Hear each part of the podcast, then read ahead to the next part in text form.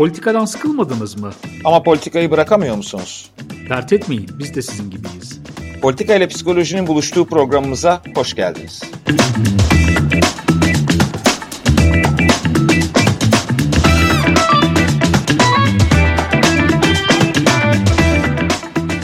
Politik psikolojiden herkese iyi akşamlar. Ee, bir hafta mecburi ara verdikten sonra benim rahatsızlığım dolayısıyla bu hafta gene bence keyifli, önemli e, bir konuyla e, sizlerle birlikteyiz. E, bu sefer de tarikatlar ve cemaatler çerçevesinde e, bireyi konuşacağız. E, Fatih Bora Hekim'le. Dostum nasılsın? İyiyim, teşekkürler. Geçmiş olsun Mert. Mert Covid atlattı. Çok teşekkür ederim. Evet, evet. Yani nispeten sıkıntısız geçti ama e, yani zor bir süreçmiş. E, bunu da deneyimlemiş olduk. Devam ediyoruz yolumuza. Devam ediyoruz. Bir evet. sıkıntı yok çok şükür. Geçmiş olsun ter- tekrardan. Çok Şimdi, sağ ol, çok sağ ol. Sen başla istersen. Ya biz e, şimdi tabii tarikatlar, cemaatler konusu e, bu şekilde yani sadece e, yani içinden bireyi çıkartarak e, bakarsak farklı çerçeveler üzerinden konuşulabilecek bir konu. E, yani Türkiye'deki e, siyasal hayat, siyasal kültür çerçevesinde de bu konu tartışılabilir. Fakat biz tabii politik psikolojide e, bunu yapmıyoruz. E, ilk program yani daha doğrusu benim katıldığım ilk programdan beri e, sen daha önce de yapıyordun. E, bireyi anlama e, çabası e, içindeyiz. Aileyi konuşurken de e, sahir zamanlarda e, aile, birey, e, yine bireyi anlamaya çalışıyorduk. Milliyetçilik, ırkçılık konusunu konuşurken de gene bunu yapmaya çalışıyorduk. En son programımızda da ara vermeden önce militarist kültür e, çerçevesi dahilinde baktığımızda bireyi nasıl değerlendirebiliriz? E, bireyin toplumla angajmanı, bireyin devletle angajmanı nasıl oluyor? Bunları konuşuyorduk. Bugün de yine e, başlığımız tarikatlar ve cemaatler olsa da aslında tarikatlar ve cemaatler çerçevesinde bireyi anlamaya çalışacağız. Bireyler nasıl oluyor da kendilerini bir tarikatın içinde buluyorlar, bir e, dini cemaatin içinde buluyorlar veya nasıl oluyor da bir noktadan sonra neden e, böyle bir tercih yapıp e, bir tarikatla, bir e, dini cemaatle angaje olmaya çalışıyorlar. Bunu anlayacağız. Cemaat tabii sosyolojik anlamda baktığımızda e, bizim önüne kattığımız dini ya da din sıfatından çok daha fazla e, anlamlar, çok daha geniş bir anlam ifade ediyor.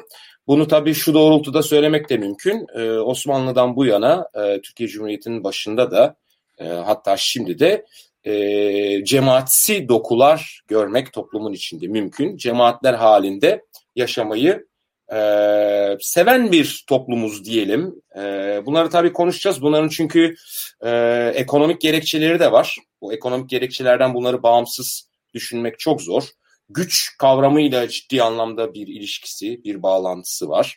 Bireyin dış dünyayı algılayışı, dış dünyayla ilişki e, kuruş biçimiyle gene çok ciddi anlamda alakası var ve tabii ki bireylerin e, psikolojik ihtiyaçlarıyla da alakası var. E, istersen e, biraz çerçeveyi daraltarak tanımlarla e, başlayalım. E, yani yabancı literatürde, din sosyolojisi literatüründe e, kalt kavramı kullanılır biliyorsun. Hmm. E, cemaat kavramını kullanıyoruz. E, ilk e, orijinal ortaya çıkış şekliyle de Gemeinschaft, Gesellschaft şeklinde cemaat, cemiyet, Ferdinand de Tönnies e, buna evvelki programlarda da değinmiştik. E, tanımlama yapıyor. Yani cemaat nedir? Dini, dinsel cemaatler nasıl değerlendirilebilir? Tarikatten farkı var mıdır? Varsa nelerdir? E, bu şekilde başlayalım istersen. Şimdi çok basit tanımlarla başlayalım bence. Hangisinden neden bahsediyoruz diye. Cemaati şöyle alacağız programda da. Senin eğer buna itirazın varsa söyle hemen. Ya da sonsuza kadar. Sonsuza kadar. Sonuna kadar. Yok programın sonuna kadar. Yani cemaat ortak bir ideoloji ve ortak kimlik etrafında bir araya gelen komünite olarak tanımlıyoruz. Cemaatin çok basit tanımı bu. Yani bir ortak bir ideoloji var ve bu ortak ideoloji etrafında daha e, yakın bağlar kurulan bir komünite var. Bu komünite ortak bir kimlik deklare ediyor. Bunun dini versiyonu dini ortak bir e, kimlik ve dini ortak bir ideoloji. Aynı din perspektifinden bakan versiyonu. Tarikat bir dini cemaatin aslında bizdeki geleneksel versiyonu. Sinsilesini çok geçmişe alabilen geri dönüp Osmanlı'nın veya işte Selçuklu'nun bir döneminden itibaren devam eden Sufi geleneğin içerisinde ki bu Sufi gelenek ne kadar Sofizmle alakalıdır o başka bir tartışma konusudur. Çok şeye girmeyeyim. Onun daha e, ilahiyat tartışmalarına girmeyeyim ama bizde Selçuklu ve Osmanlı'dan beri devam eden e, kimisi kendini çok daha eskiye bağlar ama aslında çok da Arapların içerisinde olan bir versiyondan ziyade daha bizim İran Türkiye e, İrani e, Türkiye geleneğin içerisinde, Turani geleneğin içerisinde daha yaygın olan Sufizmle iç içe girmiş bir tarikat versiyonu vardır. Bu tarikatın tam batıda karşılığı yok. Sekti mezhep olarak algılıyorlar ama bizdeki mezheple sekt tarikat biraz iç içe girmiş durumda. Ee, bir de, sekti diğerlerinden ayıran sektle kalt arasında İngilizceden bakarsak sektle kaltı birbirinden ay- ayıran mesele şudur. Sekt de heterodokstur. Bizdeki aslında sufizmden kastımız da heterodoks İslam'dır. Yani ortodoks ana yol, ana e, tarikat değil, ana e, eksen değil. Bunun biraz daha duygusal belki daha ne denir işte batini vardır, zahiri vardır. Gene girmek istemiyorum o detaylara çok fazla. İşte bunun e, Sufi gelenekteki versiyonu e, gelenekten gelenin İngilizce'deki karşılığı sektir. Onlarda sektler vardır. Hristiyanlığın içerisinde de vardır veya diğer dinlerin içerisinde de vardır. Kaltılarsa geleneksel olmayan yeni dinlerin tarikatları üzerinden aslında anlatılır. İşte mesela Scientologistler bir kalt olarak kabul edilir. Onlar kendini religion olarak anlatmaya çalışıyorlar ama bir çeşit kalttır aslında. Böyle bir tanımlama temel e, argümanı belirlemiş oldum. Sen ne dersin? Bu doğru mudur bu tanımlar? Gayet İtirazın gayet var mı? Yok yok hiçbir itirazım yok. Sadece e, bir noktanın daha altını çizmek lazım. Belki ufak bir ekleme e, yapayım müsaade edersen.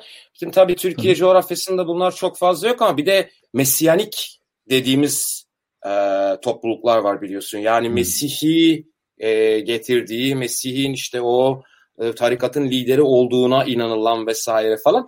Ama yani bunların e, yani rasyonel çerçevede konuşursak herhangi bir şekilde öyle bir e, yani e, Mesih öncülüğünde bir şey yapacak kadar bir e, sen söyle e, takipçi toplamış olma durumları da yok. Henüz bundan karşılaşılmadı yani. Bizim coğrafyada zaten hiç yok da belki bir Hasan Mezarcı şimdilerde e, öyle bir e, ön planda ama 10-12 tane filan takipçisi e, ya var ya yok onun da. E, ha, Hazreti İsa'nın da 12 havarisi var. yani o tesadüfen söyledim. Belki fazladır. Bak şimdi 12 bin öyle bir şey yanlış yönlendirmeyelim kimseyi. Yapılmış çok güzel kısa bir belgesel var. İlgilenenler izleyebilirler. Ee, yani o ayrıma da gitmek önemli. Biliyorsun en son Scientology e, Tom Cruise'un kızının e, ve Tom Cruise'un kızı ve Tom Cruise arasındaki ilişkiler üzerinden tekrar gündeme geldi. Tom Cruise'un kızını reddettiği falan söylendi. E, Scientology, Scientology'de yer almak istemediği için falan. Tabii ki böyle e, yani bireyin toplumsal hayatını e, daha büyük bir grup, daha büyük bir sosyal grup üzerinden onun vasıtasıyla kurduğu durumlarda e, bireyin e, gündelik hayatının tamamını e, içine aldığı, yani sadece işin bir ilahiyat yönü e, olmadığı, e, işin sadece bir ekonomik yönü olmadığı, ciddi anlamda bir sosyoekonomik yönü olduğu, e, bireyleri toplumsal hayat üzerinden, ekonomik aktivite üzerinden de bir araya getiren yönleri olduğunu söylemek lazım tarikatların ve cemaatlerin. Şimdi ben e, yayın yönetmenimizden e, rica edeceğim iki e, numaralı videoyu çok kısa gösterebilirse. Allah razı olsun Muharrem Efendi evladım. Hesaplara şöyle bir baktım. Bazı aksilikleri düzeltmek gerek. Bazı tamir işleri yaptırmış. İşte onları dergahımıza bağlı ustalara yaptırsaydın çok iyi olur. Tüm bu mülkler Allah'ındır ve dergahımıza emanet edilmiştir. Bu mülklerdeki her türlü emek Allah'a yapılan ibadettir. Hem din kardeşlerimize hayır işlemeleri için fırsat vermiş oluruz hem de dergahımızın gelişmesine yardımcı oluruz. Evet yani gördüğün üzere e, bunun sadece bir e, dini tırnak içinde ideoloji üzerinden örgütlenmekle birlikte yani o şekilde başlıyor olsa da sadece o şekilde gitmediğini e, söylemek lazım. Ciddi anlamda burada bir aslında toplumsal hayatın yeniden e, organize edildiği, tanzim edildiği bir e, dokudan bahsediyoruz. E, sana bırakmak istiyorum bu noktada sözü. Bu Takva filminden de değil mi? Kim kim evet, yönetmeni? Evet, onu, söyleyelim. De. Takva Takva filmi e, benim çok önemsediğim filmlerden bir tanesi. Yeni sinemacıların Serdar Akar'ın e, senaryosunu yazdığı, e, rahmetli Özel Kızıltan'ın e, yönetmenliğini yaptı. Hatta e, Seren Yüce filan da e, bunun ikinci yönetmenidir. E, yönetmen yardımcısıdır. Ee, yeni sinemacılar e, bana kalırsa Türkiye sinemasında ciddi bir kırılma yarattılar e, ve tam da aslında bizim e, bence politik psikolojide yapmaya çalıştığımız şeyi yani e, tırnak içinde sıradan küçük insanı e, ön plana alarak aslında o insanın üzerinden e, dünyaya bakışı e, gündeme getiriyor. Yani bu e, Ranke, Ranke Gil e, tarih yönteminde ya da Ranke Gil e, sosyal bilimler yönteminin aksine çünkü orada büyük liderleri, büyük savaşları, e, büyük gelişmeleri e, ele alır. E, bizimkisi de yani yeni sinemacıların yaptığı da bizim e, politik psikolojide yapmaya çalıştığımızda aslında Fernand Brodel'in deyişiyle tarihin tozuyla ilgileniyoruz biz. Yani ufak şeylerle ilgileniyoruz. Ama çünkü bu ufak şeyler gündelik hayata dair ve o fillerin tepiştiği ortamda o tırnak içinde küçük insanlara bizlere yani neler oluyor anlamak için bence çok daha kıymetli e, imkanlar sunuyor, e, malzemeler sunuyor. Tam yani Galatasaray liseli gibi konuştun yani. Neden? Ne oldu? Nesini beğenmedin? ben, ben beğenmedim de estağfurullah yani. Yani çok böyle Galatasaray Liseli girişi oldu. Ben daha Anadolu Liseli bir çocuk olarak devam edeyim o zaman. Allah benim, Allah. benim çok benim çok daha şey bir e, yani girişim şöyle. Sorum şu insanlar neden giriyor bu cemaatlere? Yani temel benim aslında kafama takılan şey buydu. Ne, ne oluyor da bu insanlar cemaatlere giriyorlar? Hı hı. Bir psikolojik ihtiyaç var. Yani sosyolojik kısmına da gireriz. Ama evvela bir psikolojik ihtiyaç var. Tabii ki bir cemaatin içerisinde doğan çocuklar onun dışında bir dünyayı tanımayıp buradan devam ediyor olabilirler. Ve ailelerin de buraya girişinin hikayesine döner bakarsak bir genelde şu hikayeden gelir.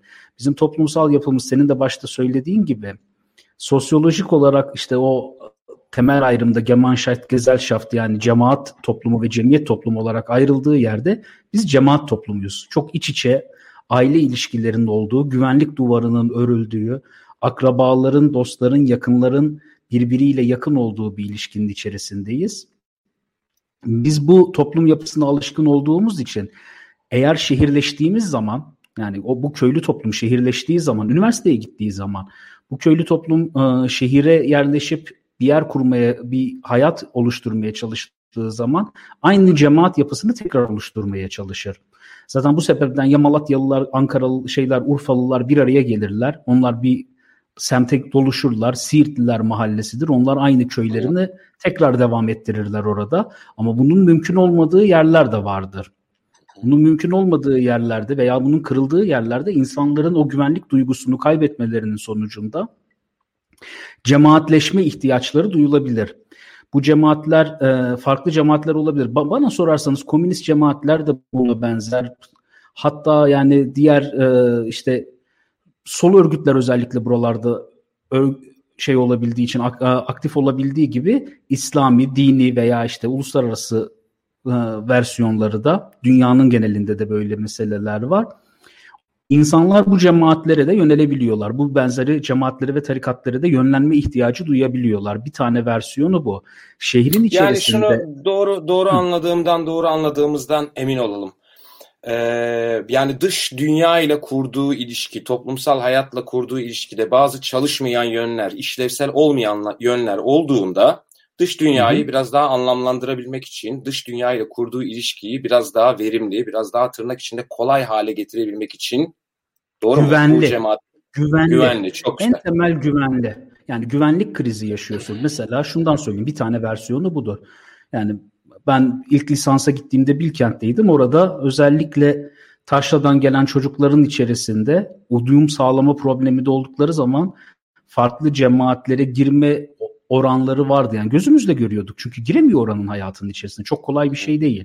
Gidip cemaatlere savunabiliyor. Çünkü cemaatlerin şöyle bir yapısı vardır. Orası sana güvenlik verir. Ee, iyi bir yani söylediklerinin onaylandığı bir yerdesindir. Çünkü e, bir birliktelik duygusu vardır. Aynı ortak hedef için hareket ediyorsundur. Ee, bunun üzerine işte iktisadi yardımlar olur vesaire olur. Mesela insanların böyle e, tarikatlara, cemaatlere girme sebeplerinden bir tanesi budur. Bir tanesi kendi bulundukları coğrafyanın içerisinde aileleri devam ediyor olsa da ailelerin yetersiz kaldığı yerler olabilir. İnsanların psikolojik rahatsızlıkları olabilir. İnsanların kırıldıkları yerler olabilir. Gene mesela kliniki tecrübemden bildiğim hikayeler var.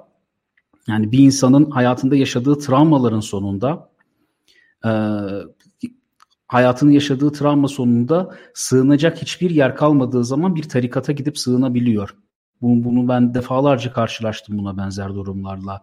Aslında çok pahalı bir terapi almış oluyor orada. Dünyanın en pahalı terapilerinden birisini almış oluyor. Bedeli de çok ağır oluyor. Maddi ve manevi olarak. Ama orası ihtiyaç duyduğu şeyi verebiliyor. Mesela hayatının bir döneminde genç bir yaşta sakat kalıyor bir insan ve sığınacak hiçbir yeri yok. Doktor tedavi bulamıyor. Yani cinci hocaya gidiyor. İşte dua eden bir yere gidiyor. Bir tarikata gidiyor. Orada şifasını aramaya çalışıyor veya orada hayatında yaşadığı travmayı atlatmaya çalışıyor. Bu kolay bir şeydir yani bir insanın evet. yani felçli kalır, ka- sakat kalabilir ve bunun sonucunda hayata yeniden uyumlanabilmesi için sığınacak bir yerlere ihtiyacı vardır. Tarikat kendi içerisinde giren kişilere kapalı devre bir dünya sunduğu için içeride onaylanır sürekli. Tekrar eden bir şekilde onaylanır, reddedilmez. Onun içerisinde kapalı devre güvenli bir dünyası vardır. Hep cemaatin içerisinde veya işte bu dini tarikatlarda, dini cemaatlerde, tarikatlarda en yaygın olan şey orada hep bir onaylanır ve kutsal bir amaç için bir aradadırlar. Bu ihtiyacı sağlayan yerlerde insanların girmesi, buna yönelik bir ihtiyaç duyması sebeplerden bir tanesidir bence. İkinci sebepler, ikinci sebep olarak şunu, üçüncü sebep olarak hatta şunu söyleyebilirim. Şeyhler önemlidir. Şeyhleri e, ben işte stajımda meselenin nasıl bir şey olduğunu staj yaparken, hastane stajımı yaparken anlamış oldum. E, Malatya'da yaptım. Burada Malatya'da bir hastanede çalışıyordum. Hani danışan profili de şeyden çok farklıydı. Daha sonra çalıştığım yerlerden çok daha farklıydı. Burada psikosomatik yani bayılan, inme inen, cin çarpmış ve benzeri gibi e, tanı teşhislerle yani ailenin bu tarz tanı teşhis koydukları bizim çocuğa cin çarptı, bizim hanım şöyle bir şey geçirdi diye gelen vakalar çok oluyor. Anadolu'da bu çok yaygın. insanlar başlarına gelen şeyleri böyle tarif ediyorlar. Şimdi mesela bana gelen vakaların içerisinde vardı. Burada da hipnoterapi uyguluyorsun. Yani psikoterapi uygulamak yani ilaç tedavisi uygulayabilirsin farmakoterapi, ilaç tedavisi uygulayabilirsin. Psikoterapi böyle vakalar için çok işlevsel değildir, uzun sürer ve hastane bu kadar uzun süreyi karşılamaz. Bu kadar uzun süre terapiyi hastanenin sistemi, SSK, SGK mekanizması karşılamaz ve burada da hem ben stajımı tamamlamak için beraber çalıştığım psikiyatrın da beni yönlendirmesiyle hipnoterapi uygulamaya başlamıştım. Hipnoterapinin içerisinde şunu yapıyordum. Yani Mesela bir trafik kazası geçiriyor. Trafik kazasından sonra e, pişmanlık duyuyor. Bir, bir duyguyla ilgili bir yani bu duygusunu ifade edemediği için eli felç geçirmiş. İnandığı şey bu. Nöroloğa gidiyorlar. Herhangi bir nörolojik problem yok. Bu psikolojik diyor. Elini kapatmış, kilitlemiş böyle. Eli kilitlendi deniyor. E sonra geliyor. Yani en sonunda 3-4 tur geçtikten sonra eğer ki ailede birisi varsa bir cinci hocaya götürmediyse tabii ki e, bize geliyordu. Mesela yaptığımız eylemlerden bir tanesi ben orada kötürüm tedavi etmiş oldum. Yani şey vardı ya Kemal Sunal filminde vardı böyle kötürümü iyileştirirdi falan. O hep sahne gözümün önündedir. Yani benzeri bir şey yaptım. Çok korkmuştu. Bundan dolayı felç geçirmişti. Nörolojik bir problemi yoktu ama doktorlar buna çare olamıyordu. Hipnoterapiyle bunları çözebiliyorsun. Hatta bir tane vakada şöyle yapmıştım. Eli kapanmıştı. Yapamadım elini açmayı. O aklımda. Elini açmayı yapamadım. Hocama sordum ne yapayım diye. Öbür elini de sen kilitle dedi. ki bunu yapabiliyorsunuz hipnoterapiyle. Diğer elinde sen kilitle ertesi gün çağır. Eğer onu yaptığım zaman bende büyük bir keramet olduğunu inandı. Demek ki ben onun elini kilitleyebiliyorsam öbüründe açabileceğimi inandığı için sonraki gün geldi ve gene hipnoterapi seansı içerisinde iki elini birden açabildik. Şimdi şeyhin de temel meselesi budur. Ben çok ucuza çalışıyordum. 17 lira mı ne SGK'dan işte şey veriyordu. Bana düşen payda 12,5 liraydı her ay. Yani bunu ben şeyh olsaydım muhtemelen adamın evini arabasını elinden alabilecek kadar pahalı bir bedelle bunu yapabilirdim. Şeyhlerde vesairede benim temel gördüğüm ilk problem budur. Bunu yaparlar. Yani şeyh çarpar dedikleri şey budur özünde. Çok basite indirgiyorum ama evet şeyh çarpar dedikleri şey hipnoterapi telkin yöntemleri kullanırlar. Bu kullandıkları telkin yöntemleriyle karşı tarafı psikoza sokarlar. Ee, telkin yöntemleriyle kişilerin üzerinde fiziksel etkilerde bulunabilirler veya fiziksel hastalıkları, psikosomatik rahatsızlıkları iyileştirebilirler ve tabii ki plasebo etkisiyle şifa verebilirler. Şaman dediğimiz, e, şeyh dediğimiz mekanizmanın bence temeldeki yapısı budur. İşte Jung da buna benzer şeyler söyler de e, temel mekanizma burada döner. İnsanların da eğer hayatta birey olarak problemleriyle başa çıkacak mekanizmaları fazla gelişmediyse, kendini ifade edecek gücü çok fazla gelişmediyse bu tarz insanların peşine takılmaya teşnedir. Eğer ki burada tabii üzerine... birden fazla ha, faktör devreye giriyor. Bir tanesi e, bu e, dini cemaat yapılarının, e, tarikat yapılarının aslında dışlayıcıdan ziyade e, bireyler üzerinde e, daha kapsayıcı olması. Yani sonuçta bir sınır çiziyorlar. O sınırın içine girdikten sonra tabii ki bir dış dünya ayrımı yani nedir dış tarafta kalan, kimdir kötü olan, kimdir yabancı olan bu tanımlamalar tabii ki yapılıyor ama bireyin ilk teması noktasında bunlar tabii ki e, daha kapsayıcı yapılar. İkincisi senin söylediğin bir miktar bir mistisizm tabii ki devreye giriyor. Yani bireyler de haliyle bilinmez e, olana, zor bilinene e, karşı e, farklı ilişkiler e, geliştiriyorlar. Bu ilişkiler üzerinden anlamaya, okumaya çalışıyorlar. E, üçüncüsü e, yine senin söylediklerini bir yandan e, özetlemeye çalışıyorum. E, hoş bunun içinde kendi söylediğim de var ama tabii e, ekonomik ve toplumsal olarak da bir alternatif yapı, bir alternatif hayat sunuyor.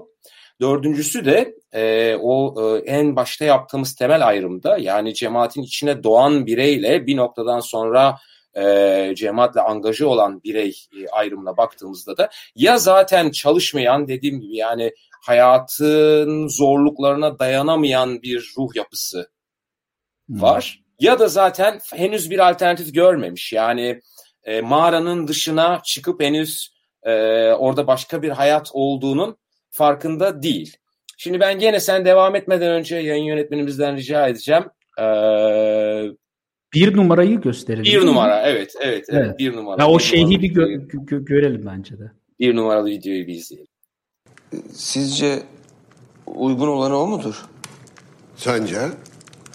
Yani onun imanından, e, bağlılığından zerre kadar şüphem yoktur. Lakin benim sorum bu işi yapıp yapamayacağına dairdir. Muharrem Efendi gençliğinden beri buraya gelir. Zikri aksattığına hiç şahit olmadım. Gönlü açık, imanı tamdır. Lakin ilmi zayıftır. Allah herkesi çeşit çeşit yaratmıştır. Her mahlukatın bir hikmeti, her insanın bir hizmeti vardır. Onun gönül kapısı açık raf. Dünya işlerini yapmak için zihin açıklığı değil, kalp açıklığı gerekir. Zihin açıklığıyla yapılan işlere şeytana bulaştırırsın. Sen ona yardımda kusur etme. Senin aklın onun yapacaklarına yeter. O işini yaparken sen de ilmine iyice dal. Şimdi ona sıradanlığının sıra dışı olduğunu öğretmek lazım. Bu konuda da ona en yakın arkadaş, bana da en büyük yardımcı sensin.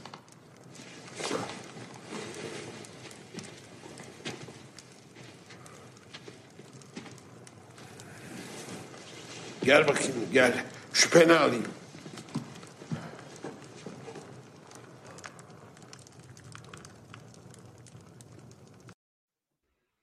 Şüpheli ya müthiş, şahane ya. müthiş müthiş bir sekans. Yani e, yani muazzam muazzam bir yazar Serdar Akar yani.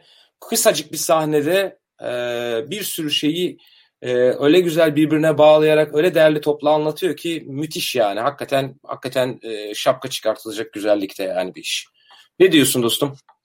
İşte orada benim hoşuma giden şeydi. Şeyhin e, şüphesini gidermesi, kafasını dayaması.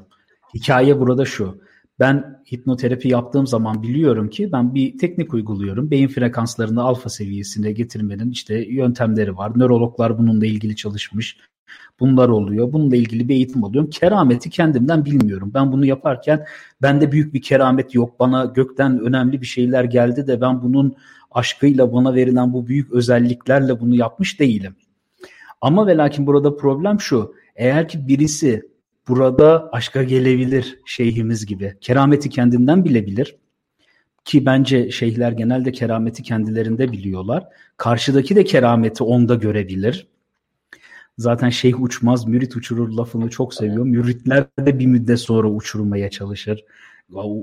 Uçar adam yani ben ne kadar büyük birisiyim demeye başlar ve zaten bu omnipotans duygu, tüm güçlü, evrene hükmeden, aslında içeride o mesiyanik dediğin şey o Tanrı'nın seçilmiş kulu olduğuna dair birisi olduğuna dair inancı geliştirmeye başladıkça içinde etrafında insanlar da senin yanına gelip o seçilmiş kişinin bir parçası olma arzusu duyarlar. Bu bir arkadaşımız orada yazmış Reiki'de vesairede de var diye Tabii. yeni e, yorumlar arasında var. Yani Reiki veya işte neydi bir iki yogada da çıktı böyle e, sıkıntılar diyeyim hani cemaatleşme yapıları ve bunun suistimal edilmesi sen orada özel güçlerin olduğunu inanmaya başladıkça yaparsın bunu, yapabilirsin. İçimizdeki o e, küçük adam diyorlar buna. E, William Reich'ın küçük adam dediği. Hani dünyaya hükmettiğine inanan aslında içimizdeki o tanrı dürtüsü ortaya çıkabilir. Her şeyi kontrol ettiğimize dair olan. Biz bunu kontrol ediyoruz psikoterapist olarak, hipnoterapist olarak, süpervizyonlarla zaten bunun bilgi içerisinde yaptığımızdan dolayı burada bir keramet görmüyoruz. Ama bunu geleneksel yöntemlerle öğrenen şamanı, şeyhi e, ve benzeri ne kadar bu parapsikoloji alanlar var ise onlarda bunun eğilimi var. Ve insanların da buna zaman zaman ihtiyaç ihtiyacı oluyor. Yani dediğim gibi travmalardan sonra ihtiyaçları olabilir. Bazı insanlar zaten o travmatik hayatın yaşamışlardır. Burada kötü tercih olur. Bir psikoterapiste gitmek yerine böyle bir yere yönelmiş olması. Çünkü toplumda buna dair bir yapı var ve kendini bir anda bunun içerisinde bulabilir bence. Şimdi burada tabii bilişsel düzey açısından da enteresan bir nokta var. Ee, tabi burada biraz epistemolojiye giriyoruz ama bilgi felsefesine, bilgi nasıl elde edilir, e, bize nasıl gelir, biz de onu anlayacak, işte tırnak içinde töz var mı, bu töz nereden geliyor, Tanrı mı koydu bu tözü bizim içimize nedir vesaire, biz mi öğreniyoruz, e, yoksa zaten biliyorduk da unutmuştuk, şimdi mi hatırlıyoruz falan falan gibi çok çeşitli açıklamalar var. Fakat e, ya burada benim önemsediğim şeylerden bir tanesi şu, yani sadece bu din veya dinler çerçevesinde değil, e, bu e, aydınlanma felsefesiyle filan da yeniden e, başka bir formda tezahür ediyor. Yani bilgiye sahip olanla bilgiye sahip olmayan bir değildir gibi bir kabul var. Yani bilenle bilmeyen hiçbir olur mu? Değil mi? Yani tırnak içinde söylüyorum.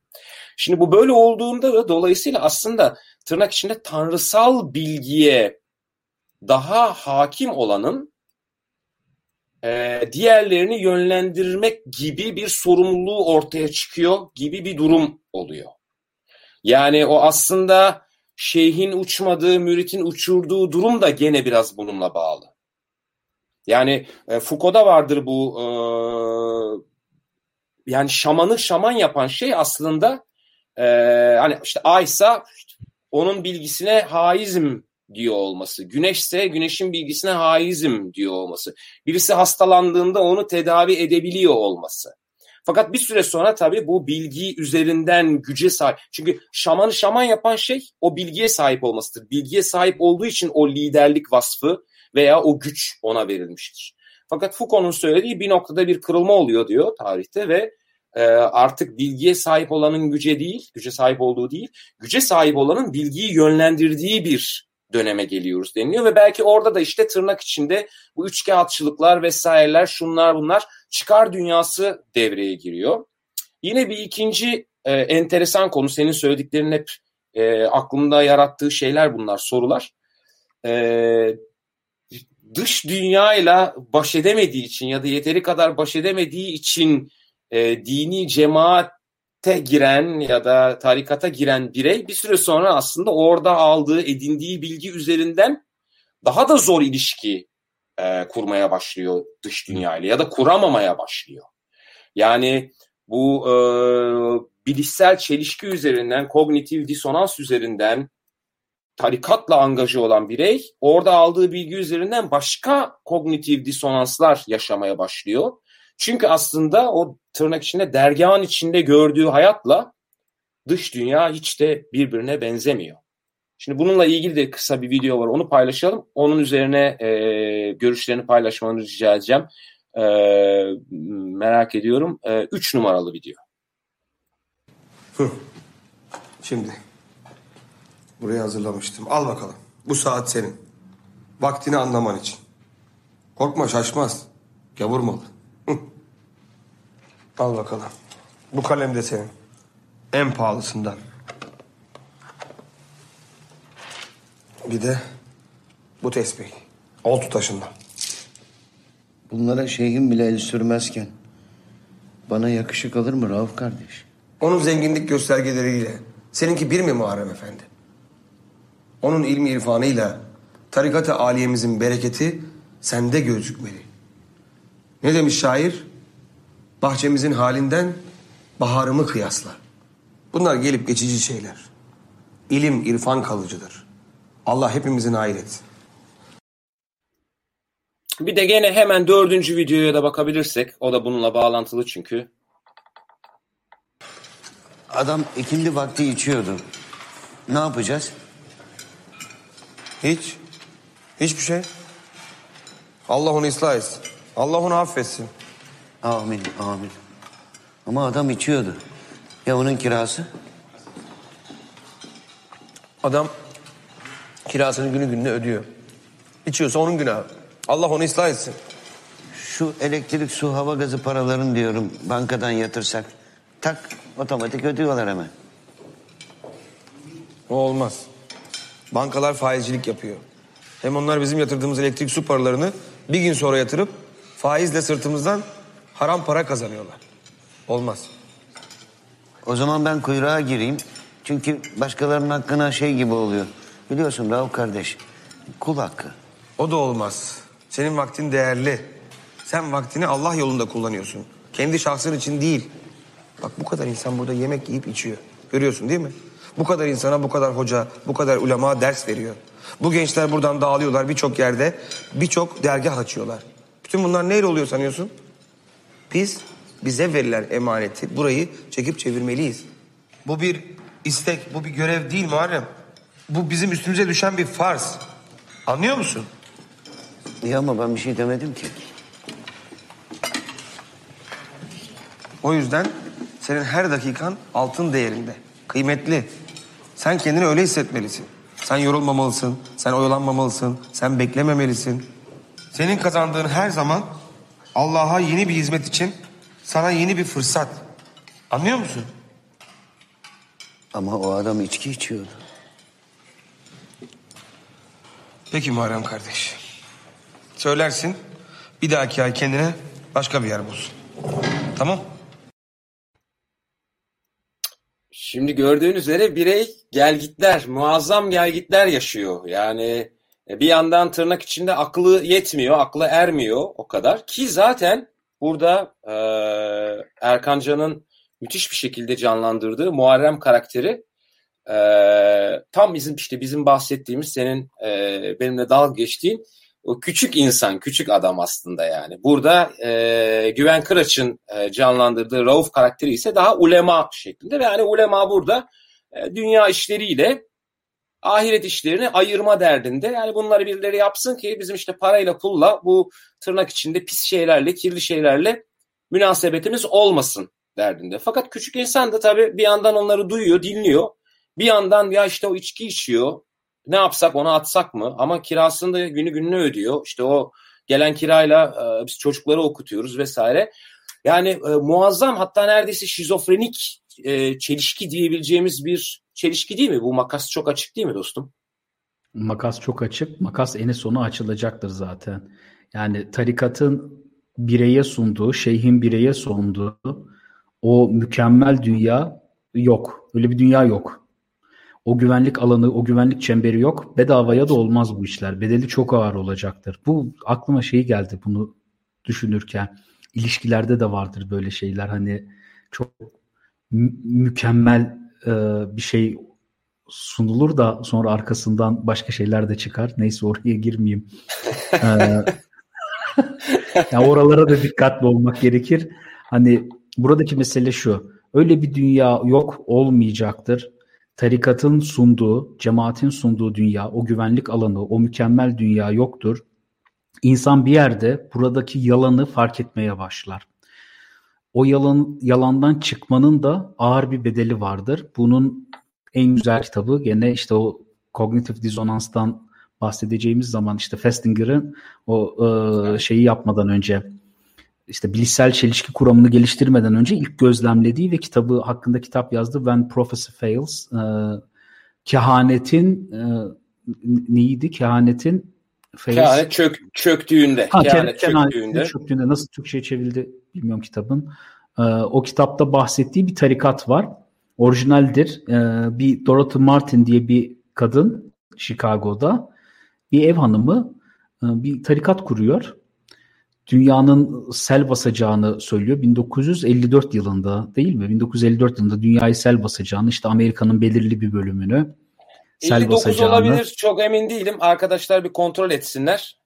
Böyle baktım ben. Ya, not almışım. Öyle mi? Tamam. 20, tamam. 21 Aralık 1954'te dünyayı sel basacak. Avrupa'nın çoğu, Amerika'nın önemli bir bölümü e, sular altında kalacak diye bir kehaneti var ve bizim tarikattan olanları da uzaylılar gelecek kurtaracak diyor. İddiası bu. Şimdi e, Festinger'ın da çok hoşuna gidiyor bu iddia. Bu iddianın sonunda diyor ki acaba ne olacak? O da gözlemlemeye gidiyor. Çünkü çökecek yani dünya öyle bir sel basmayacak. Uzaylılar da gelip kurtarmayacak. Uzay mekikleriyle gelip bizim tarikatı kurtaracak diyor. Böyle bir şey gerçekleşmiyor. İşte bizim dualarımız kurtardı falan diyorlar da kalp gözü açık olmayanlar göremez. Ee, orada orada bizim... tabii biliyorsun şey çok önemli. Yani o tarikat liderinin e, o son an için aslında muazzam yaratıcılıkla e, geliştirdiği yeni söylem çok önemli. Çünkü e, bekliyorsun bekliyorsun bir uzay gemisi gelsin seni kurtarsın. E, seni gelen kurtaran da yok. Dünyayı sel bastığı da yok. Orada tam senin söylediğin gibi yani hani biz dua ettiğimiz için işte bize acıdı da bizi bıraktı diyor. Yani orada o akla uygunluğu yine sürdürebilmek değil mi önemli olan? Tekrar ediyor. Tabii yani hikaye burada şu işte olmadıktan sonra insanların bir kısmı evet tarikatı terk ediyor. Ya bu yalanmış diyor ama önemli bir kısmı tarikata devam ediyor. Buna evet. inanıyorlar. Feslinger'ın daha sonra e, yaptığı deney şunun üzerine bir angarya bir iş veriyor insanlara. Yani bilişsel çelişkiyi ölçtüğü deney şöyle. Angarya bir iş veriyor. Bir saat boyunca angarya iş yaptırıyor. Çıkanların bir kısmına 1 dolar veriyor, bir kısmına hiç para vermiyor, bir kısmına 20 dolar veriyor. Yani işte asgari ücretin çok daha üstünde o dönem için 20 dolar veriyor. 20 dolar alanlar işin angarya olduğunu söylüyorlar. Bedavaya çalışanlar işin angarya olduğunu söylüyorlar. 1 dolar alanlar işin ne kadar güzel olduğunu söylüyor. Festinger'ın bilişsel çelişkinin temel kuramı şu. Eğer yaptığınız iş karşılığında bir bedel ödediyseniz ve saçma bir şey olduğunu fark ettiyseniz, bunun karşılığında hak ettiğinizden fazlasını aldıysanız, yani hak ettiğinizi düşündüğünüzden fazlasını aldıysanız oradaki çelişkiyi fark edersiniz.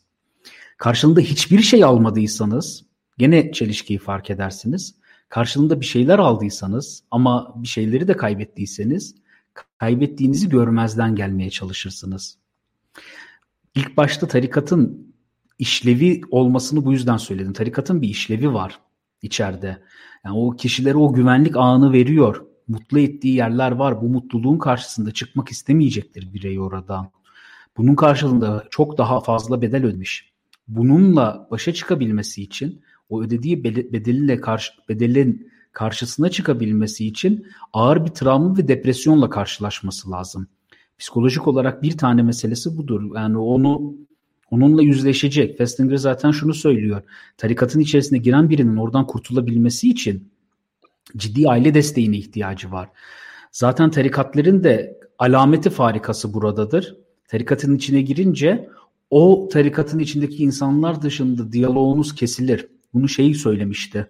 Bir e, bu Adnan Oktar tarikatındaki kızlardan birisini YouTube'da seyretmiştim. Bir müddet sonra diyor yavaş yavaş tarikat içerisinde olan insanlar dışında görüşmez hale geliyorsunuz. Yani ne varsa oradan görüşüyorsunuz. Bu Takva filminde de vardı. Alışverişini oradan yap. Orayla görüş. Bizdeki adamlarla iş yap. Ee, okulunu da buraya gönder. Ee, biz hep beraber olalım. Sen artık o çarkın içerisine giriyorsun. Sosyal hayatın orayla kısıtlı. Orayla oranın dışarısına çıktığın zaman tam sudan çıkmış balığa döneceksin. Eğer burada aile desteği yoksa, buradan çıkabileceği bir yer yoksa bir insanın bununla başa çıkması çok da kolay değildir. Çok zor çıkacaktır burada.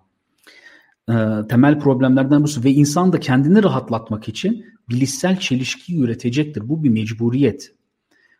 Bu bir mecburiyetin sonucunda ortaya çıkıyor. İnsan o kadar aptal olduğu için değil, geri zekalı olduğu için yapmıyor insan bunu. Elindeki argümanlar bundan fazlasına yeterli olmadığı için duygusal ve e, duygusal ve zihni kapasitesi bundan daha fazlasına yetmediği için elindeki enstrümanlar daha fazlasına izin vermediği için oradan çıkamıyorlar. Buradan çıkabilmenin yöntemlerinde birincisi gene dediğim gibi ailenin önemi ama aile de buranın içerisindeyse kişinin çıkması e, gene sosyal ilişkilerde, sosyal ağlarda yeni yerler keşfetmesi ve yeni ilişkiler ağlarının kurulmasına bağlıdır. E, Festinger üzerinden tarikatların çıkışını böyle anlatabiliriz. Ama dediğim gibi içerisi bir taraftan kişiye çok eğlenceli gelebilir. Hatta şey de düşünürseniz böyle zikir çekmelerin olduğu bir tarikata girildiyse yani kişi bir yerden sonra psikoza toplu bir psikoz haline de girebilir. Onu bir tane hikaye anlatayım. Babamın bana anlattığı bir hikaye. Bir düğünde başına geleni anlatmıştı. Ee, şöyle bir hikayedir. Gidiyor düğünde. Babam kalp gözü kapalı olan kişi olduğu için içeride işte akrabalardan bir tanesinin öyle girdiği abuk subuk bir yer saçma sapan para tuzağı işlerden bir tanesi tarikatın birinin şeyhinin bilmem nesinin yeğeninin düğünüymüş bilmem neymiş 80'li yıllarda. Babam diyor ki işte gittik gelin damat arabaya bindi çıktı gitti. E ondan sonra millet konuşmaya başladı diyor. Gördünüz mü kanatlı beyaz ata bindiler uçup gittiler. Babamın söylediği şu ya diyor ki arabaya geldiler bir de lüks Mercedes'le gelmişler diyor. Gittiler gittiler yani adamlar. Ne öyle kanatlı şey yok diyorlar gök gökyüzüne ulaştılar. Kanatlı Burak atına bindiler gökyüzüne çıktılar. Kanatlı atla gittiler filan. Babama tabii o e, yerdekiler sonunda aforoz edip kalp gözünün kapalı olduğuna ve dinsiz olduğuna karar verdikten sonra bizim de o tarafla e, diyalogumuz kesilmiş oldu. hani biz ya bunlar dinsiz işte... olarak uzaklaşmış olduk. Ama oradaki mesele şu. İnsanlar bunu görüyor. Şimdi ben psikoloji eğitimiyle geri dönüp bakıyorum. Evet insanlar görebilir. Toplu bir trans halindeler çünkü. Ve e, o tarikatı biliyorum zikir çekerlerdi. Zikir burada çok kritik işlerden birisidir. Zikir bir kere gene hipnoterapide de kullanılan yöntemlerden birisi aslında kısa kesik kesik nefes alma veya diğer bazı yöntemlerde de kullanılıyor bazı mekanizmalarda hiperventilasyona sokar. Kişiyi halüsinatif halin içerisine getirir. Yani zikir çekmedeki ritmi bilmiyorum duy, duymuşsunuzdur belki. O ritim insanın zihnini uyuşturur. Bir çeşit e, sarhoş hale getirir. O sarhoşluğun içerisinde alınan telkinlerle zaten halüsinasyon görebilirsiniz. O sırada canınız ne görmek istiyorsa onu görürsünüz ve size telkin veren, def çalarak ve benzeri şeylerle orada telkin veren kişi bunu yapabilir. İnternete düşen videolarda o şeyhlerin önünde yerlere yatmalar, onun uçtuğunu iddia etmeler, e, fantazilerde bir şeyler görmeler aslında bu tarz seansların sonunda insanların vardığı noktalardandır. Çok yargılamamaya çalışıyorum bir yerde. Çünkü sosyal hayatta aslında biz de bunlara benzer şeyler yapıyoruz. Antropolojik bakarsan bir yerde aslında Yapıyoruz bizim tabii. Yani iyi müzisyenin... e, bizim işte diskoda dans etmemiz, müzik etrafında toplanmamız aslında antropologlar şey diyor. E, binlerce yıldır aslında biz ateşin etrafında toplanıp dans eden insanlarız veya futbol maçına gidip o bağırma hep beraber futbol maçına gidenler de mesela aynı şeyi hisseder. Yüzlerce kişi beraber senkronize hareket edersin, beraber slogan atarsın, birlikte olmanın mutluluğu, gücü vardır o sırada ama bu daha kabul edilebilir bir seviyededir. Çünkü hayatının tamamını almamıştır ama bağımlılık haline getirenler de var tabii. Hafta sonunu orada geçiren, onu oradan yeniden bir cemaat üretenler var. Cemaatler dini veya değil bence bir taraftan da şu var işte yani toplumda mükemmel bireyi yetiştiremediğimiz müddetçe de ki olmayacak bu toplumun içerisinde cemaatlere eğilim eden insanlar her daim olacaktır. Bu tarz kaltıların içerisine diyelim hatta yani tarikat cemaatten kastımız burada bu tarz kaltların içerisinde insanlar bir şekilde gireceklerdir dini veya değil.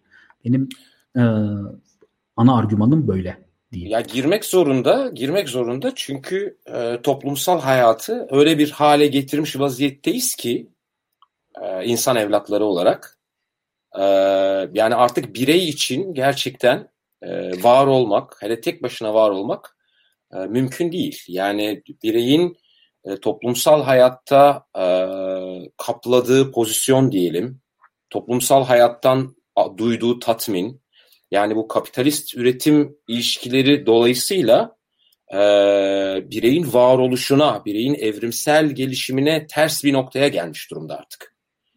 Yani bu senin söylediğin, yani ben de kesinlikle katılıyorum. İyi müzisyenlerin, iyi DJ'lerin iyi elektronik müzikle yaptığı da aslında budur. Orada bir groove yaratıyorsun ve onu devam ettirebildiğin sürece aslında o trans halini, rahatlama halini nasıl tanımlarsan tanımla devam ettiriyorsun. Bir dini cemaatteki zikir süreci de senin de söylediğin gibi bununla birebir aynı. Şimdi burada e, şunu görmek önemli mi acaba? E, Irving Yalom'da vardır biliyorsun o aslında. E, yani temel çelişkimizin e, bireyin öleceğini bilerek yaşamaya devam etmeye çalışması olduğunu söyler. Yani bu kabul edilmesi ya da en azından kabul edildikten sonra bununla barışılması, bununla yaşanması kolay bir şey değil. Bir yandan da dedik ki toplumsal hayat artık bambaşka bir yere geldi. İşte çeşitli tırnak içinde işlev bozuklukları yaşanıyor. Ee, böyle bir denklemin içinde yani böyle bir denklemin içinde aslında bu tarikatlar, cemaatler her nevi sadece dini olanlar değil. Bireye senin de söylediğin gibi güvenli bir alan tanıyor. Kendisini tırnak içinde sevenlerin olduğu, kabul edenlerin olduğunu düşündüğü bir e, alan tanıyor. E, bir e, alternatif de olsa bir e, toplumsal hayat, bir ekonomik hayat yaratıyor. Yani düşünsene elektrikçisin ama hani kiramı nasıl ödeyeceğim gibi bir derdin yok. Elektrikçisin acaba bu ay yeteri kadar iş olur mu olmaz mı gibi bir derdin yok. Yani bir şekilde bir bazı noktalarda bir takas ekonomisi üzerinden bile olsa sürdürebildiğin e, bir hayatın var.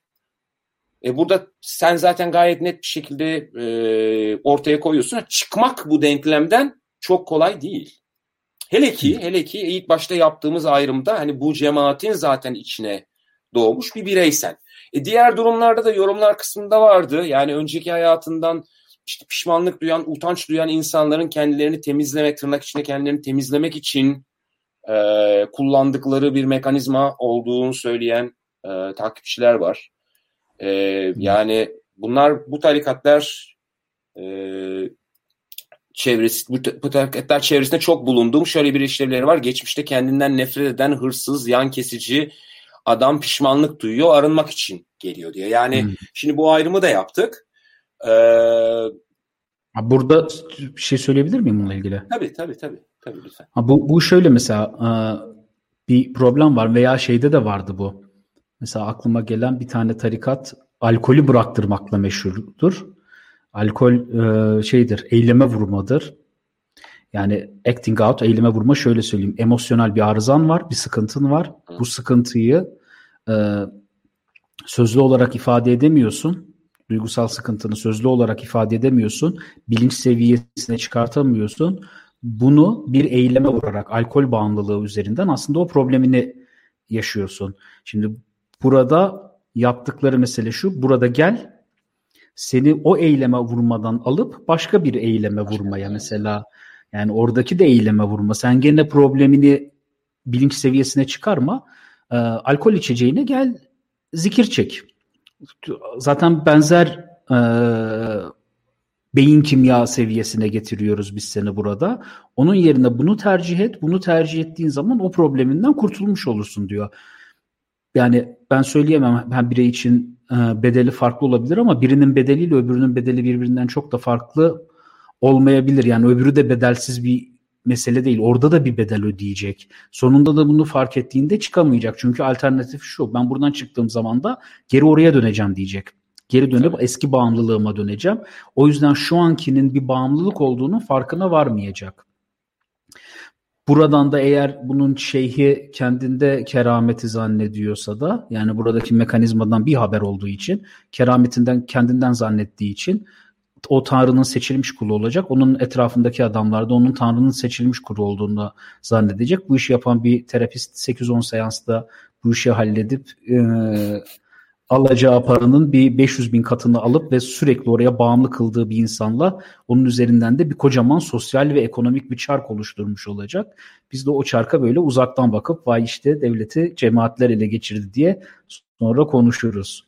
Evet o Bu işin böyle başka bir yönü tabii. Evet yani o da işin. Çünkü o kadar güçlü bir hale geliyorsun ki. Tabii. Sende büyük keramet var zannediliyor.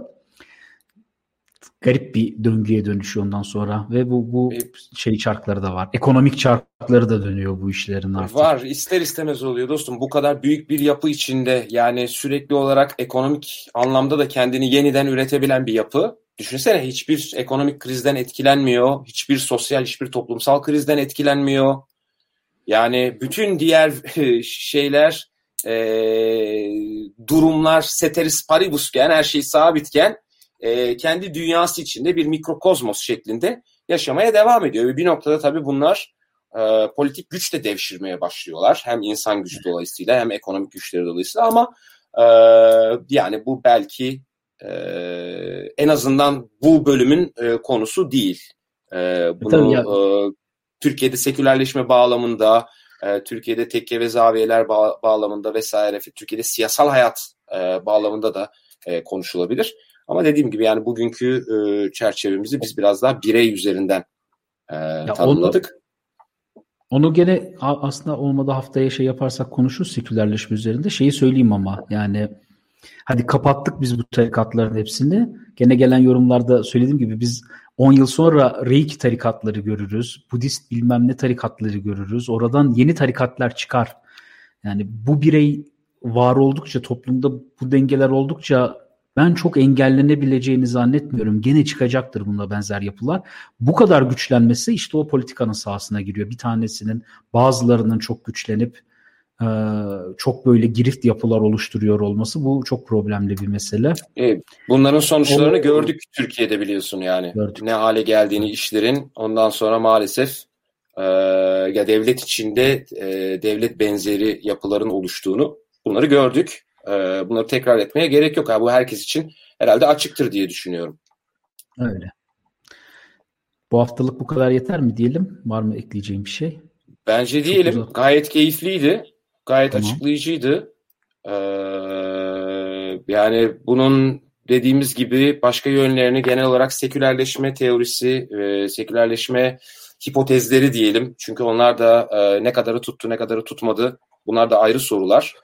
E, kimileri aslında dinin artık e, kurumsal kimliğinden uzaklaştığını söylüyor. Daha bireysel olarak yaşandığını e, söylüyor e, bazı yaklaşımlar. bir, bir tane yorum var ben ona bir şey söyleyeyim o zaman.